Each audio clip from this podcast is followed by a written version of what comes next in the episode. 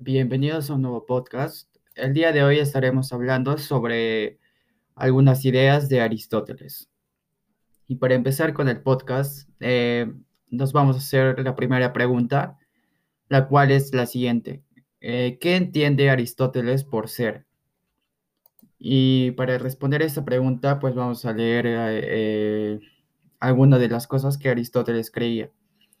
Según Aristóteles, él consideraba el ser como sustancia. Y la sustancia, según él, estaba compuesta de materia y forma, las cuales están unidas inseparablemente.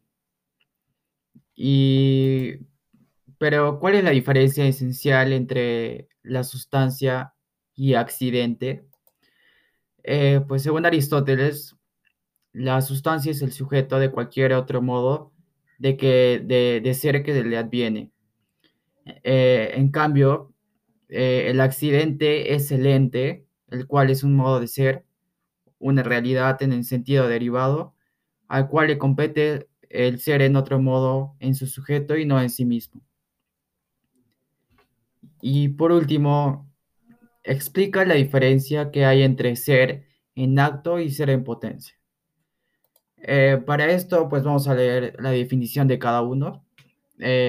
El ser en acto se refiere eh, a la sustancia tal como en un momento determinado se nos, se nos presenta y la conocemos. En cambio, por ser en potencia, entiende el conjunto de capacidades o posibilidades de la sustancia para llegar a ser algo distinto de lo que actualmente es. Eh, por, ejemplo, para aclarar esto, eh, les voy a dar el siguiente ejemplo. Un niño tiene la capacidad de ser hombre. Por lo tanto, es un niño en acto. Pero es un hombre de potencia.